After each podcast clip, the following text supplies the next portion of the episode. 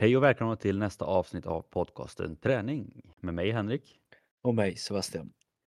I dagens avsnitt så kommer vi prata lite om eh, ja, men, lite sötningsmedel och lightprodukter och frågorna vi kommer diskutera lite idag bland annat är Är sötningsmedel farligt? Borde vi äta mer lightprodukter? Och kommer vi spräcka några av de största myterna inom ämnet? Det är ganska stora frågor vi har med oss idag och jag vet att vi har varit inne och nosat lite på sötningsmedel i någon Q&A tidigare men eh, nu går vi in på ett helt avsnitt om det och det kommer vara ganska mycket info men också ganska intressant avsnitt eh, hoppas jag. Men eh, innan vi går in på ämnet så vill vi bara lyfta ett litet finger för att nästa vecka Sebastian, avsnitt 100, det är helt sjukt.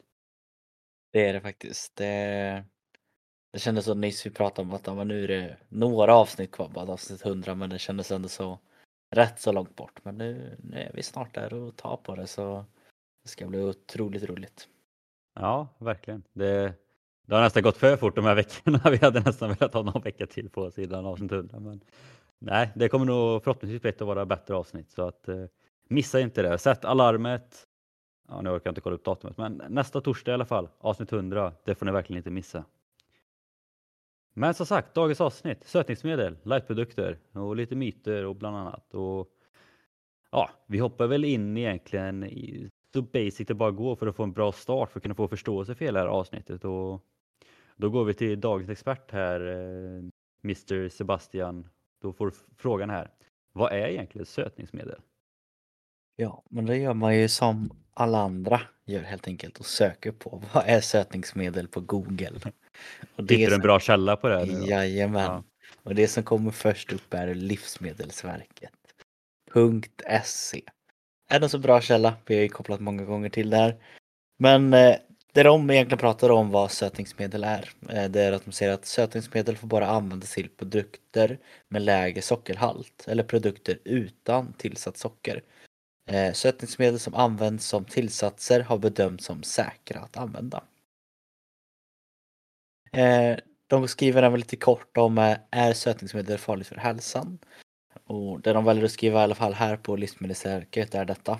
Eh, alla godkända sötningsmedel har undersökt mycket noggrant i många olika studier. Det har bedömts som säkra att använda som livsmedelsinsatser av den Europeiska myndigheten för livsmedelssäkerhet, EFSA, och eh, det finns dock regler för hur det får användas. Det vill säga vilka typer av livsmedel och vilken mängd det får användas i. Eh, så kort och gott i alla fall det som vi får i oss här i Sverige. Det är i alla fall väldigt mycket kollat och det ska vara ja, men säkert för hälsan. Eh, så där borde man redan då få en lite lätt inblick utav det. Eh, är man verkligen att man har noll koll på vad det är så kan man säga att det inte är socker, det är någonting som ska smaka sött. Mm. Eh, det är ju faktiskt det sötningsmedel är. Det känns också bra att få in Livsmedelsverket där, för det är väl kanske en av de bättre källorna när det kommer till kost. Ja, jag tycker väl det. De är alltid säkra. De är verkligen väldigt opartiska. De skriver ju bara så som det är enligt forskning liksom. Men eh, jag tänker så här. Vi hoppar på en ganska ja, men svår fråga här direkt. En ganska intressant fråga här som vi har spelat lite på. Det påverkar sötningsmedel insulinutsöndringen från munnen? Så? Jag tror alla mm. där hemma sitter och undrar det här nu. Ja, det var exakt det jag satt och, och tänkte på. Eh, skulle jag väl kunna tänka mig. Eh, men det har gjort lite olika studier på det självklart. Det är ju någonting som har väldigt mycket diskuterat under en väldigt längre tid. Men när det gäller just effekten av sötningsmedels påverkan eh, när vi har det i munnen så fann man liksom inga effekter alls från aspirant och sukralos. Eh, det är liksom två av de största sötningsmedlen eh, tillsammans med stevia som är liksom de vanligaste typerna i drycker. Det som är viktigt att poängtera här i de här studierna är ju verkligen att de har fått något form av dryck med socker i som det sköljer runt i munnen. Eh, och där går det ju redan då liksom ställa en diskussionen ganska så bra fråga att hur många av oss liksom tar sockervatten i munnen och gurglar runt och sen spottar ut det. Det hör ju oftast ihop med att vi faktiskt sväljer den här läsken då. Eh, men redan där så ser man att liksom bara att sockret kommer in i munnen ger egentligen ingen effekt alls eh, på hur liksom hur det påverkar. Eh, och det är egentligen samma sak när man går in eh, och pratar om när man skulle få i sig det. Eh, vissa former av studier har kunnat ge någon form av effekt på det. Eh, bland annat så har de liksom pratat eh, om det form av tuggummiform eh, när olika former av testobjekt fick eh, trycka på tuggummi. Eh, och då såg man att det skulle kunna bli en liten effekt på blodsockret som sjönk vilket är då att eh, insulinnivån går upp. Men det var liksom ingen effekt utav själva stötningsmedlet utan man kopplade mycket mer till själva tuggandet. Att det är någonting med tuggandet som utsänder att kroppen liksom tänker att aha, nu får jag i mig mat.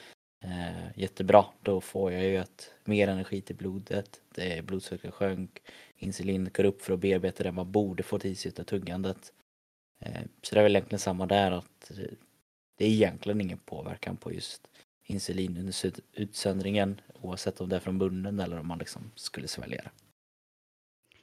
Nu vet inte jag, men har du hittat någon i din litteratursökning här, alltså någon skillnad eller hur stor skillnad det är på just, just blod, hur sötningsmedel påverkar blodsockret? Om man jämför med till exempel vanlig, vanlig läsk kontra light läsk med sötningsmedel, hur, alltså hur stor skillnad det är i till exempel påverkan på blodsockret eller insulinnivån eller någonting? Är det något du Alltså, det är inga siffror. Det man skriver är väl att resultatet är så pass litet att det inte riktigt har tagits med i flera studier. Och det har legat någon form av under någon felmarginal att det alltid är någon som kommer att få en ökad eh, insulinnivå utav att göra ett test som egentligen är liksom placebo. Eh, det man kommer fram, har kommit fram till är väl egentligen att det ger ingen effekt eh, sötningsmedel på insulinet. Det, då skulle man kunna säga att det är noll i jämförelse med vad det gör när man får i sig läsk. Eh, så det är väl det bästa svaret du kan göra på det. Alltid bättre med något svar än inget svar. Det var en väldigt svår fråga. Det var bara något som dök upp nu när du pratade om det. För att det jag vet att vi kommer lite till mer lite jämförelse sen med, med kalorier och näringsinnehåll så sätt. Men det, det är just det som är intressant med det här ämnet. För många, tänk, många pratar ju alltid om liksom att om en light eh, läsk är mycket bättre än vanlig läsk till exempel. Och sen finns det de andra som säger att ja, sötningsmedel är livsfarligt. Liksom. Men det är ju det som är intressant att jämföra. Ja, men vilka effekter har båda två? Det är ju... mm. Men just också så här, spelar det någon roll när man intar sötningsmedel? Om man tänker en måltid, om man tar det innan måltid, under måltid, efter måltid? Eller, liksom, eller är det samma effekter oavsett? Alltså det man har sett i flera av de här studierna och det är väl mer någon form av dels att jag har hittat eh, en grundstudie men oftast är det ju enklare att hitta någon form av metaanalys där man har dragit ihop flera studier. Eh, och det man har sett här är att man har oftast gett deltagarna sötningsmedel eh, och sen kort därefter har utfört en eh, glyceroltest för att se hur kroppen hanterar en massa snabba kolhydrater eh, liksom tätt inpå. Eh, och det är väl då, gör man det lite enklare så säger man att de har druckit det här sockervattnet som det oftast har blivit. Och sen har de lagt i vanlig mat liksom direkt efteråt. Eh, och överlag så är det även där att man inte fann effekter på just blodsockret av sötningsmedlet innan testet. Eh, det har även gett samma effekter när man har liksom bytt i samband Eh, med form av eh, intaget av just kolhydrater. Då. Eh, anledningen till att det är kolhydrater brukar oftast vara att det är enklare att kontrollera just mängden och liknande. Men det är samma där, att det inte gett någon skillnad. Det är väl som alltid, och det skriver de även här, att precis som tidigare så fanns det dock några enskilda undantag. Där det till exempel var två av tio studier som ändå så såg en liten effekt av dessa, av dessa. I dessa studierna såg man en liten högre peak på blodsockret. Eh, men den totala blodsocker under hela mätningstiden skiljer sig egentligen ingenting eh, emot liksom vad de andra fick. Eh, och det är ju verkligen mer den här att det återkommer även i denna studien att det är någon form av mer flermarginal. Att resultatet är det mer på grund av individen eller något annat. Det har man väl inte riktigt kommit fram till men samma effekt är det, ingen skillnad om det är före måltid eller under måltid. Spännande. Um, men om vi går in då lite mer på det här. Nu har jag ändå fått ganska mycket bakgrund på vad sötningsmedel är vilka effekter det ändå har på lite olika, som blodsocker, insulinnivån och liknande. Om man då går in lite mer på just det här som vi jag ändå ville nosa lite på innan, just det här, alltså skillnaden mellan eh, men en vanlig läsk, lightläsk, alltså, eller bara vatten, lightlemonad och liknande. Liksom, hur påverkar det vår aptit? Liksom, hur, hur stor skillnad kan det vara i energiintag, det vill säga kalorier? Ehm, hur stor skillnad kan det vara i näringsintag? För det många ändå tänker på mycket med, med lightprodukter är just framförallt läsk. Liksom. Men det är väl det som typ kom först, i alla fall det som blev störst. Liksom. Att Cola, Cola Light eller Cola Zero som det är nu. Pepsi, Pepsi Max och liknande. Ehm, men det finns ju även ehm, ja, men, vanliga matprodukter som också klassade som lightprodukter. Mm. Um, liksom hur, stor, hur stor skillnad är det i näringsämnen och kalorier då, om man jämför en vanlig produkt kontra en lightprodukt? Ja, alltså man kan ju börja med att ta lite ren eh, näringsfakta just och då är det väl oftast enklast, ja, den är väl Sveriges mest köpta produkt, en av världens mest köpta produkter. Eh, och det är ju den klassiska Coca-Colan liksom. Eh, där man kan gå in och se någon form av eh, nutrients fact eh, för att få en liten kontroll över vad det är eh, och lite vad man jobbar med och allting där. Eh, ser man på en, en servering eh, just med Coca-Cola så ligger den någonstans på eh, 240 kalorier. Eh, ganska stort, det är egentligen någon form av eh, rent mellanmål man skulle kunna få i sig på en sån här serving helt enkelt Utav detta så ser man ett totalt 0 gram fett. Eh, det är 75 milligram sodium. Eh, det är 65 procent eller 65 gram kolhydrater. Det är 65 gram socker och eh, det är även included då 65 gram added sugar och 0 gram protein i en vanlig cola. Eh, 240 är ju mycket, man kanske inte tänker på det men man skulle kunna äta sig rätt som mätt på det får man till exempel göra nyttig mellanmål. Men skulle man jämföra just den här vanliga Coca-Cola med Coca-Cola Zero som har blivit allt mycket mer ja, populär skulle jag väl våga säga. Då bara kolla kalorierna jämför man då 240 med en vanlig Coca-Cola så har ju Coca-Cola Zero eh, noll kalorier i sig. Eh, fettet är detsamma, det är 0 gram fett i den vanliga kolan och det är 0 gram eh, i Coca-Cola Zeron. Går man in på sodium så är det 40 eh, milligram i Coca-Cola Zeron och i vanlig kolan var det 75 milligram. Kollar man på kolhydraterna, det är ju där som sagt kalorierna ligger i, där så är det ju 65 gram i den vanliga medan det är 0 gram i Coca-Cola Zeron. Går man in och kollar på den totala eh, sockernivån just i Coca-Cola Zeron då är det 0 gram. Eh, medan i vanliga Coca-Cola så var det ju först eh, 65 gram eh, socker sen så har den dessutom inkluderat då, 65 gram added sugar. Eh, proteinet skulle jag väl kunna säga detsamma även där så är det 00 det som är lite annorlunda är väl, eh, och det får du hjälpa mig lite Henrik, för jag har även den samma. Jag har inte riktigt förstått vad den är, den som är under protein. Eh, potasium, inte det? Det är väl någon form av det här eh, sötningsmedel skulle jag kunna säga. Kalium. Ah. Som är eh, mineral, är det va? Ja, men det ska ju vara någonting som liksom fyller ut eller vad man ska säga. Ja. Men eh, det är 50 milligram eller 60 milligram i en Coca-Cola Zero. Eh, och det är väl det som egentligen är den stora skillnaden då. Eh, det är väldigt mycket siffror som man ska ha koll på men ska man liksom ta dem som intressanta så tycker jag att om man kollar på kalorier så är det 240 mot 0 kalorier och sen så är det 0 gram socker emot någonstans 65 gram plus 65 gram added sugar. Eh, och det är väl det som är det intressanta bara på något som man säger är en någon form av vanlig cola då. Eh, så där är det väldigt stor skillnad. Om man bara skulle tänka kalorimässigt det är oftast det som kommer upp för många som väljer just den här Cola Zero alternativet. Och nu tänker jag, nu, nu ska vi köra lite diskussion här.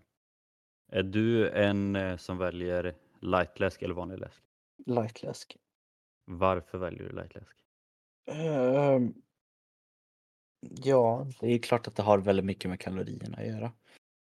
För jag ser ingen anledning till, jag som redan har nu svårt med att hålla mig till en lägre vikt. Jag måste tänka liksom lite på vad jag äter. Om jag då helt plötsligt ska behöva tänka på vad jag dricker om det skulle få i mig så extra mycket socker eller så mycket extra kalorier. Det hade ju betytt att jag får äta ännu mindre. Eh, så det är ju en väldigt stor anledning. Eh, och när jag inte riktigt behöver tänka på vad det innehåller kalorimässigt så kan jag använda det som någon form av extra pepp och känna att jo, men jag får i alla fall dricka den här Coca-Cola Zeron eh, om jag ska gå ner i vikt. Det, det är alltid väldigt gott att kunna göra det. Men sen är det i grunden också en väldigt stor vana. Eh, jag tror egentligen bara jag drack vanlig läsk innan det började bli liksom att de ens producerade liksom, vad hette den första Coca-Cola light va? Innan Ja, det ens kom, liksom att då fanns det i princip bara vanlig cola men sen kom Coca-Cola light ganska snabbt bytte vi över till dit när jag var liten och den var väl inte riktigt lika god på den tiden men bara några år efteråt så bytte vi över helt och hållet eh, över till lightprodukter och nu är det mer att jag har väldigt svårt att dricka vanlig läsk för jag tycker den blir för söt helt enkelt. Jag tycker också det är intressant, för jag vet inte om du ens om du kommer ihåg när för först var det Coca-Cola light som sagt, sen försvann ju typ den så bytte de ut den mot Coca-Cola zero. Mm. Jag har ju för mig att den typ floppade till en början liksom, typ ingen som köpte den. Eller så här. Men nu är Men- plötsligt så, nu är det typ vanligare än vanlig Coca-Cola. Ja men det är, det är svårt att hitta en vanlig Coca-Cola, stor Coca-Cola-flaska om man tänker det nu för tiden. Men. Coca-Cola Zero finns ju exakt överallt liksom. Men jag tycker ändå det är Men- intressant just det du tar upp, förlåt att jag avbröt, men just det här med men så här, först, ja, men att det är lite både på grund av kalorierna men också liksom det att det har blivit en vana. Mm. Och jag tror att det ändå är ganska många som har gjort det nu.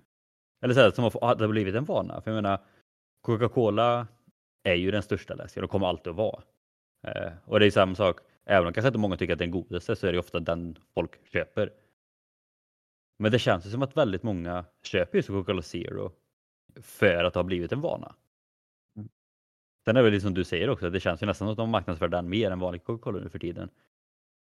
Men det är ju det, det, är det som jag också tycker att ni som lyssnar på det här också kan tänka lite hemma. Så att, ja, men, om ni dricker m- lightläsk istället för vanlig läsk, gör ni det på grund av kalorierna eller också blivit en vana? Liksom. Det kan vara intressant att höra. Samma sak om ni dricker vanlig, vanlig läsk. Liksom. Om, varför gör ni det? Är det samma sak där? Är det för att ni tycker det är godare eller också för vana? För jag vet ju personligen så för det är samma sak när folk frågar mig eller, också, eller så här, när man får höra, men dricker du vanlig eller zero? Liksom. Alltså när det kommer till cola så gör jag mig så här. Jag tror att jag tycker den vanligare kanske är lite godare. Men ska jag vara ärlig så tror inte jag att jag hade märkt någon jätteskillnad på det. Utan det är samma sak där, jag tar, jag tar det som finns. Men sen brukar jag sällan köpa cola själv. Men också den godaste läsken som jag kanske tycker, det är ju Pepsi Max Lime. Och det är ju en lightläsk. Mm. Men sen kan jag också hålla med dig lite om att jag kan tycka att vissa för vissa drycker tycker jag så här, ja men då är det godare. För det, vissa kan man märka stor skillnad på om det är light eller inte. På smaken och sånt också. Men man kan också märka ganska tydligt på vissa att det är väldigt mycket socker i dem. Mm, verkligen. Så det är verkligen så här, eh, ja, man säger, Cola märker inte jag så jättestor skillnad på. Medan Fanta kan jag märka jäkligt stor skillnad på. Eh, Att det är ganska mycket socker, att den är väldigt mycket sötare på det sättet. Liksom. Mm. Så det är det som är intressant också. Så att, eh, det kan vi nästan, åh, ja, det kan vi göra. Vi kan, göra. kan inte vi göra ett sånt test någon gång? Light versus normal. Det tror jag vi gjorde sist vi pratade om det också, att vi skulle lägga ut men det... det får vi se om vi gjorde då. Ja, Eh, jag tror det. Men, Men, eh, eh, ja, men det är intressant det är just det här med Det är intressant att se de som dricker vanlig läsk och just höra förklaringen varför de väljer att göra det. Det är ju en anledning till varför de pushar lightprodukter.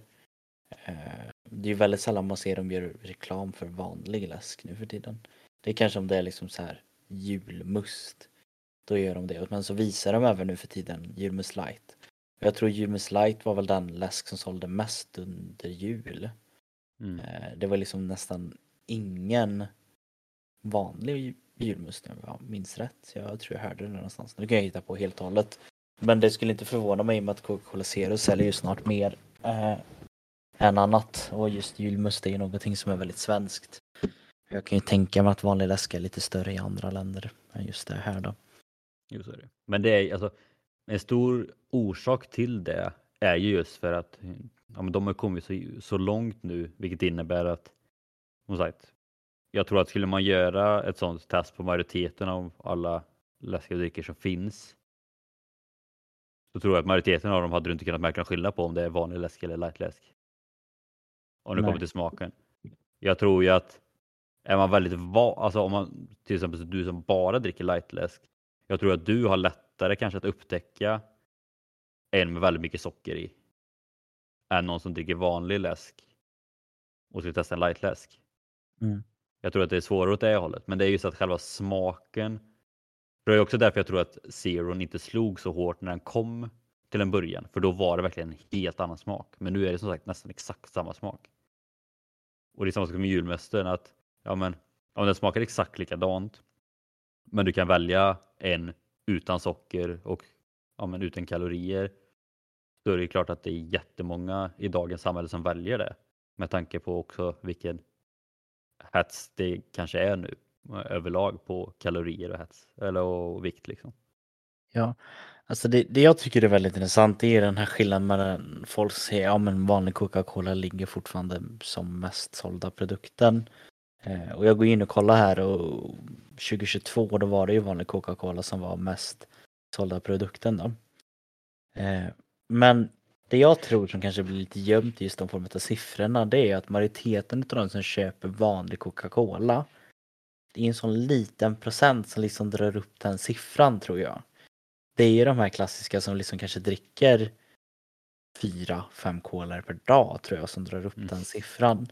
Och då är det ju mer ett beroende, att det är därför de dricker den vanliga Coca-Colan, för de har ett sockerberoende.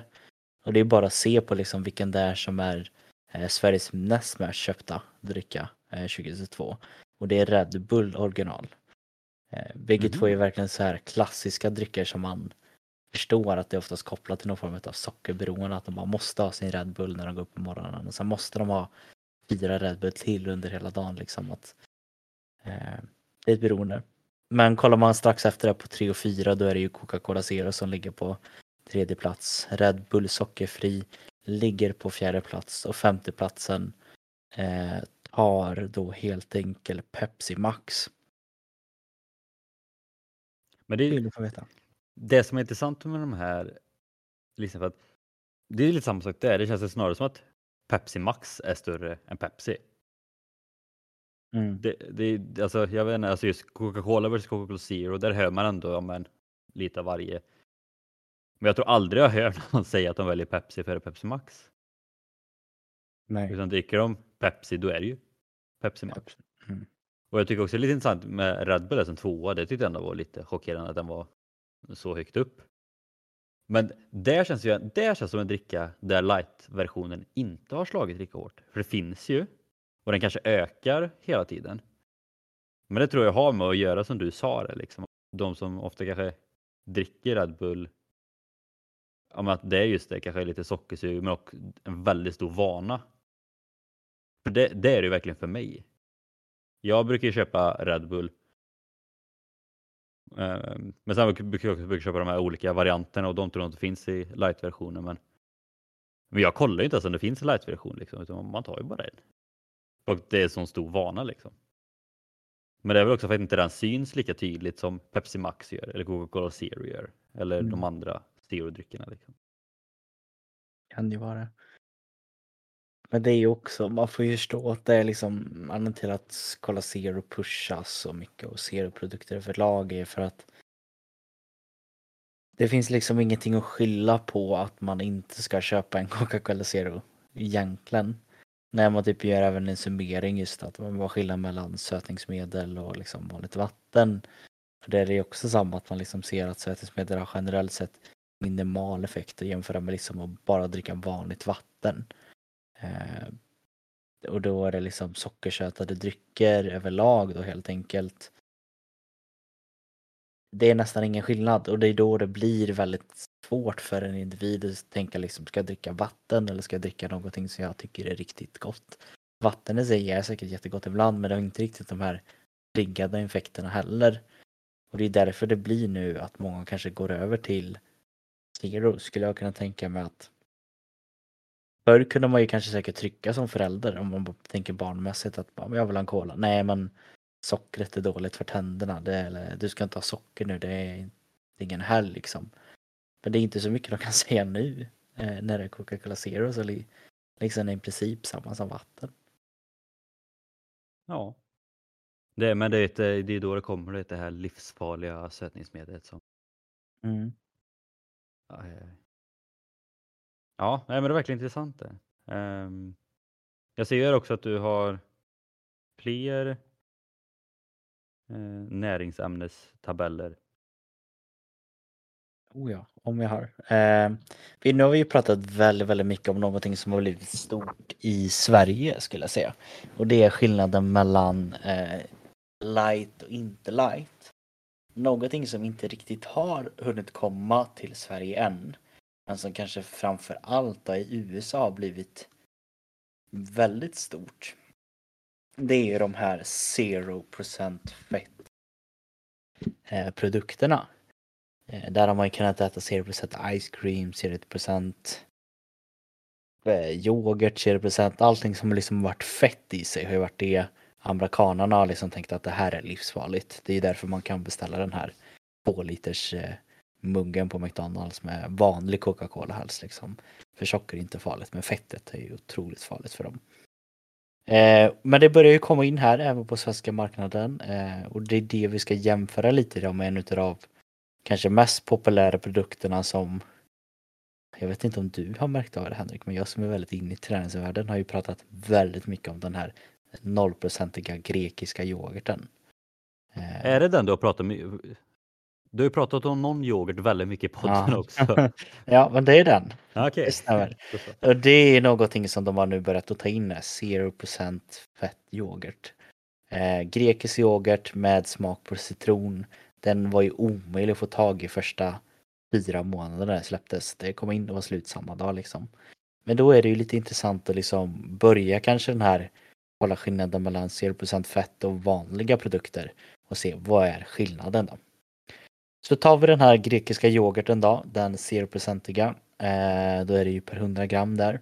Då ser vi att den ligger då per 100 gram så ligger det på 60 kalorier. Utav det då så har vi redan nu gått ut med ljugit för det är inte 0% fett, det är 0,2 eh, gram aj, aj, aj. i denna produkten.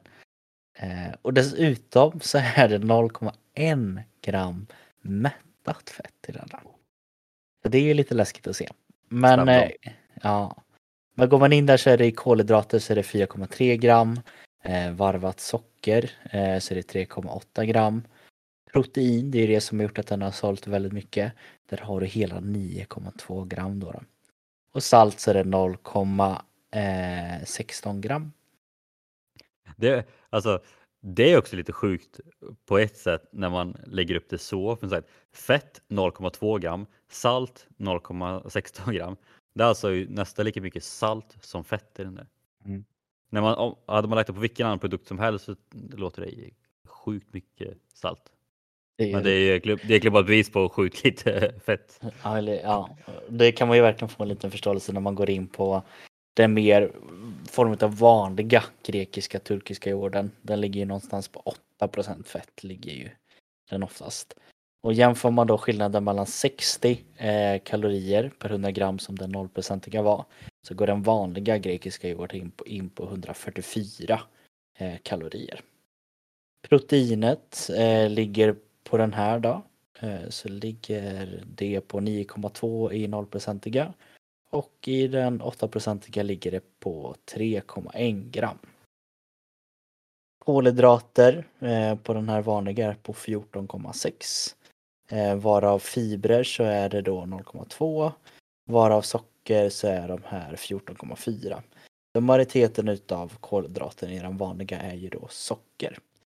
Går man in på fettet så här så är det 8,1 gram totalt i den vanliga. Då är det alltså varvat fett är 5,4. Varvat enkelomättat fett är 1,9 gram. Och varvat fleromättat fett har de till och med fått med här. Är 0,2 gram. Är 0,1 gram eh, salt och 0,6 gram aska. Alltså va? och 72 gram vatten. Det måste vi undersöka. Ja, det, det måste vi undersöka. Jag har ju i princip bara tagit in den här och eh, liksom kollat på. Eh, i, men det, det är lite intressant vad som faktiskt är i den här vanliga grekiska yoghurt som många liksom kanske har tryckt på. Eh, att jo men det är så mycket naturligt och bra i den vanliga.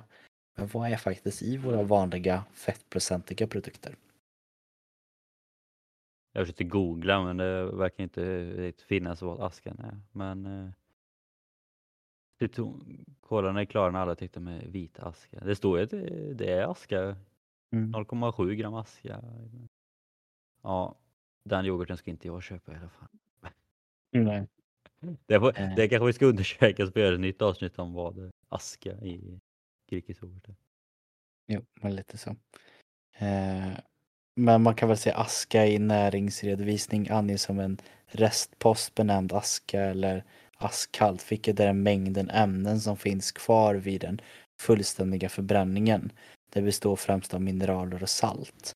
Eh, så jag tror aska är väl egentligen någon form av att de har visat att det är så från en animalisk produkt och det är väl där på något sätt att det blir som en restprodukt som fortfarande ligger kvar i mjölken som det liksom kommer ifrån skulle jag väl säga.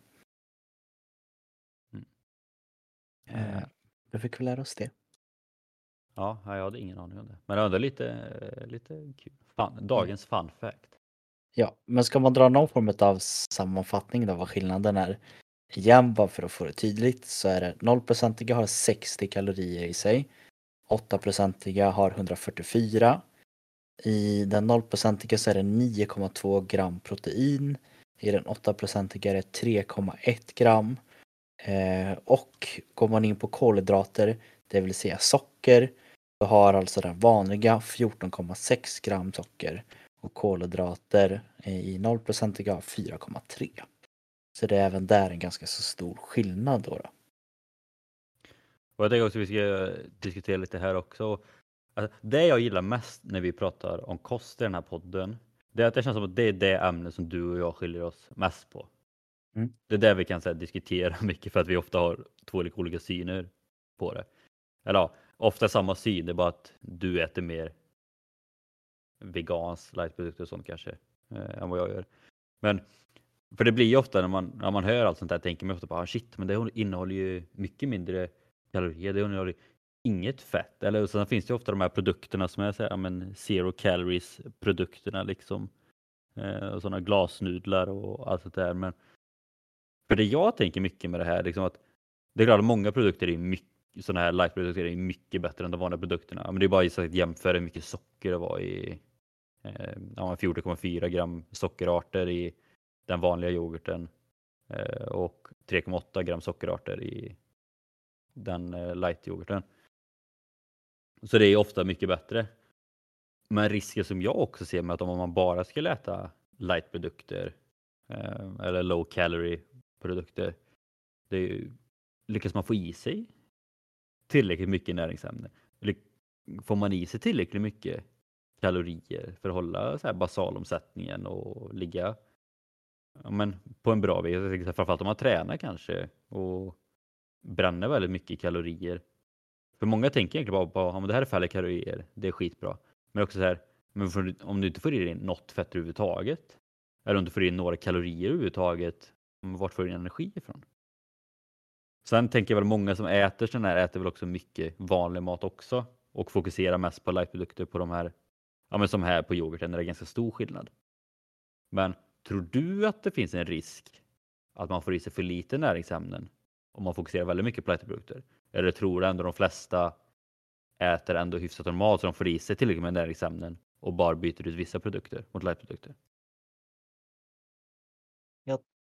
skulle säga att jag tror att största chansen när man börjar gå in och äta sådana här produkter det är att man blir väldigt eh, fokuserad på enbart kalorier. Vilket betyder att du har som mål att äta någonstans mellan, va? de flesta som vill gå ner i vikt kanske är mellan 1 och 5 och 2000 kalorier. Då. Det är liksom det som är priot, att det här ska jag få i mig. Eh, på något sätt så borde man ha gjort en liten form av påläsning om att man behöver få i sig eh, lite protein. Det är väl det som många tar med sig tråkigt nog. Kolhydrater tänker man väl att ja, men det ska jag inte få i mig någonting av. Men det får man ju i sig liksom via grönsaker och så. Bara där och allt annat. Men när man då är väldigt inne på liksom att kanske ta de här nollkalorialternativen som säljs som till exempel glasnudlar och eh, sådana grejer. Då blir det kanske att man tar, vi leker med tanken glasnudlar, eh, man kanske får i sig någon form av protein som, vad ska jag säga, köttfärs är oftast ganska vanligt eller kyckling eller tar man mer mot mitt håll så måste jag ju represent med typ bönor eller något annat. Men eh, gör man det, då tänker man att jag har fått i mig tillräckligt och man kanske har fått i sig tillräckligt med kalorier. Det tror jag inte många diffar i. Men det jag tror många diffar i är att de missar alla former av vitaminer och mineraler som man faktiskt behöver få i sig. Eh, för i princip kan du ju bara äta nästan vatten om du äter de här nollkalorinudlarna med kött. Det är liksom nästan det du får i dig då. Eh, och då säger det sig själv att du kanske kommer gå ner i vikt men hur bra kommer kroppen faktiskt må med balansen utav vitaminer och mineraler i kroppen? Mm. Nej, för det är det jag ändå vill lyfta att både folk som bara vill testa live-produkter men framförallt folk som vill gå ner i vikt liksom att för det är, det är som du säger, det, det är ju väldigt mycket koll på kalorier versus kalorier när man kollar på produkter. Men det är ju som, alltså, ändå viktigt, om man, framförallt om man vill gå ner i vikt, att ja, det är viktigt med kalorier om du vill gå ner i vikt. Men som sagt, du måste också se till att du mår bra, att kroppen mår bra. Mm. Annars är det egentligen ingen, eh, det är ingen idé att gå ner i vikt om man ändå är hängig eller blir sjuk eller mår dåligt. Liksom. Så att, och jag menar, det är egentligen bara en kul grej att ja, men, utbilda sig själv inom det. Att bli bättre på att kolla. Så länge det inte blir för, eh, för noga att man kollar för mycket och hela tiden. Liksom. Men att ändå ha en förståelse för mer än bara kalorierna tror jag ändå är mm. väldigt viktigt. Ja, men också våga liksom kolla på baksidan av produkterna, vad det står liksom. Eh, vad är skillnaden mellan att få i sig kanske lite bra grejer som lite vitaminer och lite fett som faktiskt behövs för att kunna eh, liksom lösa upp vissa former av fettlösliga vitaminer och mineraler. Jämfört med något som är 0% fett och det kanske bara får i dig i princip rent socker då.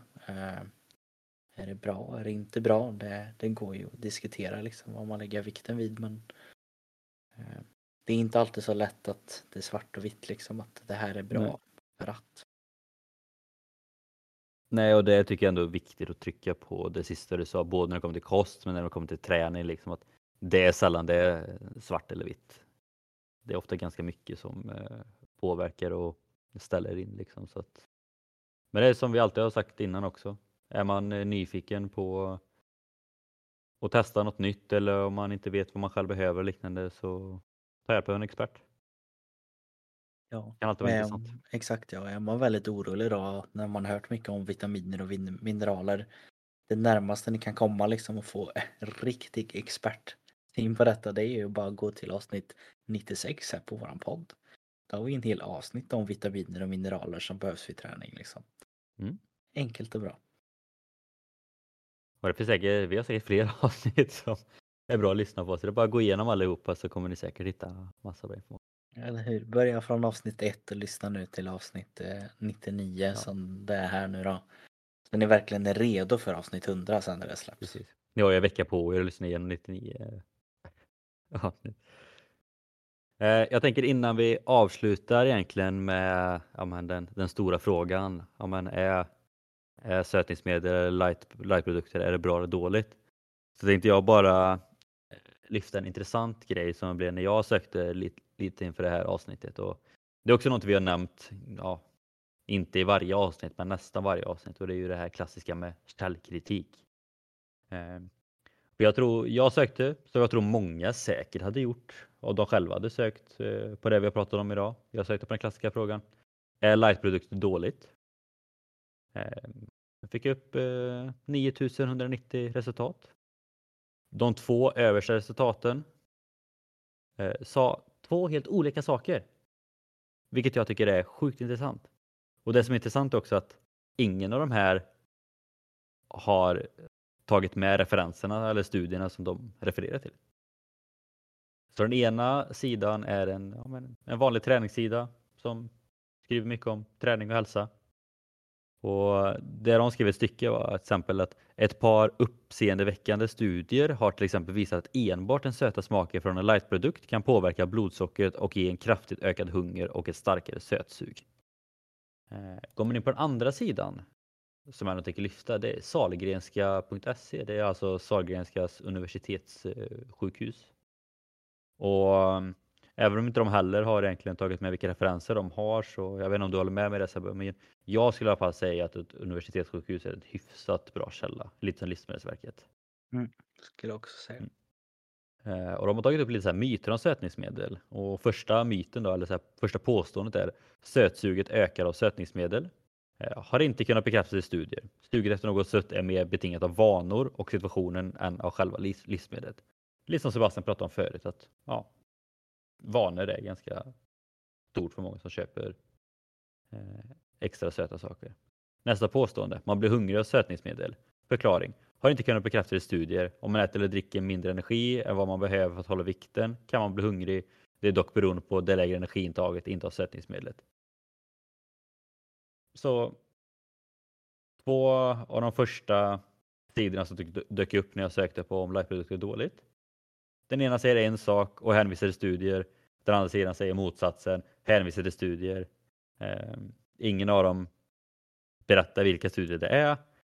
Men den ena är en sjukhussida och den andra är en träningssida. Så att, sagt, jag, jag kan inte säga vilken av de här sidorna som har rätt, men eh, det känns ju rent spontant som att universitetssjukhus bör ha ganska bra koll. Så att det är ju väldigt mycket det här med framförallt om kost. Alltså det är så sjukt många tidningar, bloggar, eh, influencers som går ut så mycket med kost, kosttillskott, myter. Eh, alltså, bara för att det, det, är så lätt att sälja på folk där. För att, eller det är så lätt att lura folk. Bara för att ja, många, det är den här vikthetsen som sagt. Och näringsämneshetsen som finns nu. Liksom. Vilket innebär att folk som är rädda går också lättare på saker och då är det lättare att sälja in till sådana personer. Vilket innebär att folk inte alltid Antingen så har de bara hört någonting och därför tror på det och därför sprider det vidare. Eller så är det vissa som bara kommer på något eget för att kunna sälja saker. Eller så är det folk som har läst en studie som säger någonting och därmed pratar om det men hur bra den studien är inte, det är också svårt att veta. Så var väldigt noga när ni kollar på saker, framförallt om kost, för det finns så sjukt mycket olika. Och det är också som vi sagt tidigare, även mot oss, var källkritiska mot oss. Vi försöker hitta bra källor och liknande. Vi försöker ofta ta med från båda sidor. Så att eh, vår målsättning är ju alltid att vara en källsäker, eh, eller att det är en säker källa att lyssna på vår podd. Liksom, det är ju dit vi vill. Ja. Men var alltid källkritisk mot oss också. För det är samma sak där. Vi tar ju vad vi hittar från vad vi tycker är säkra källor. Men det är inte alltid de källorna kanske är 100% rätt. De kanske är 95% rätt, men det finns alltid en 5% risk att det kanske är fel. Så att, men eh, vi försöker ändå vara ganska noga med när vi plockar ut det vi pratar om. bra och trycka liksom extra på. Sen går det alltid att ha en helt annan syn liksom och gå bort ifrån det traditionella Eh, västerländska synen på just allmän hälsa och liknande och börjar liksom som många argumentera för att ja, men det finns ingen forskning på det jag säger om sötningsmedel. Men det här och det här och det här. Och där är det också svårt för oss att då säga att ja men det du säger är fel. Det vill vi inte säga utan i slutändan är det liksom både jag och Henrik har väl alltid varit väldigt tydliga kopplad till just den senaste forskningen och vi är också väldigt med att det kommer ändras om tio år kommer det vara en ny syn på vad sötningsmedel är. Ehm, det är en väldigt intressant syn på vad som kommer hända med sötningsmedel. I och med att i början där så var det ju rent kopplat till livsfara. Nu är det nästan standard. Vilka andra produkter i framtiden som är kopplat till och det där är inte nyttigt. Det där är halvfabrikat. Kommer det vara någonting som är helt okej i framtiden? Ehm, jag tror ju mycket kommer att bli accepterade i framtiden att det är framgjort liksom. Vi kommer ju inte liksom ha liksom riktigt koll och kunna äta så som vi gör så det kommer ju bara framställas på andra sätt. Men eh, i slutändan så hoppas vi att de här eh, olika synerna liksom ändå så kan få en att, att tänka till lite och eh, få en att kanske någon gång våga testa ett light-produkt eller någon gång kanske ta steget ifrån och inte ta en light-produkt och ta en vanlig produkt för man anser att det är lite bättre saker just i den eh, livsmedlet. Då går vi in på då den eh, the final question, slutpunkten av dagens avsnitt. Är det då bra eller dåligt med lightprodukter? Är det då bättre med sötningsmedel än eh, socker? Vad är liksom det slutgiltiga svaret? Ja, alltså tar man en sammanställning först, någonting som inte är vad du och jag tycker, en summering om sötningsmedel eh, och liknande. Och den metaanalysen som har, jag har kopplat mycket ifrån. Eh, det är väl den forskning som har kommit ut det senaste året fortsätter att måla upp mer eller mindre samma bild som tidigare. Sötningsmedel har generellt sett minimal effekt. Det är mer rätt att jämföra det med att dricka vatten än att jämföra, den och drick, jämföra det med sockersättade drycker. Eh, på senare år har det blivit vanligare och vanligare med verkliga livsmedel som innehåller sötningsmedel. Ehm, och det, det är väl någonting som är som sagt väldigt intressant att kunna se. eh, Vad som kommer hända i framtiden. Eh, Det som nu, nu inte är övertygade om att det är bättre att välja lightdrycker än sockersötade drycker kommer troligtvis aldrig liksom att bli övertygade. Det är ju den här lilla procenten då som säger att jo men jag ska hålla mig till rent, det ska vara en vanlig Coca-Cola. Eh, men vi övriga som önskar istället få veta mer om hur sötningsmedlet eventuellt, eventuellt kan påverka oss. Eh, när det finns liksom andra livsmedel att välja mellan. För oss så kommer det ju vara en väldigt intressant tid. För vi vet inte än hur sötningsmedel påverkar oss helt och hållet. För det är fortfarande så pass nytt. Men just nu, som sagt, då är det minimal effekt. Spännande avsnitt. Jajamän. Ganska blandat avsnitt också. Börjar med ganska mycket information, sen blev det väldigt mycket diskussion. En liten Vilket- salig blandning. Det är Ja. alltid gött att kunna få det bästa från bägge delarna där tycker jag. Åh, Det, det känns som det börjar bli vårt motto nu. Liksom. Ja, faktiskt. Men eh, känner du det något mer du vill fylla i i dagens avsnitt? Nej, jag, jag tror jag känner mig nöjd där. Ja, men vad bra. Då är det väl egentligen som vanligt då att vi tackar för oss och vi önskar just er som lyssnar en fortsatt trevlig dag. Och vi hörs nästa vecka helt enkelt. Och då är det avsnitt 100. Jajamän. Missa inte det. Ha det gott.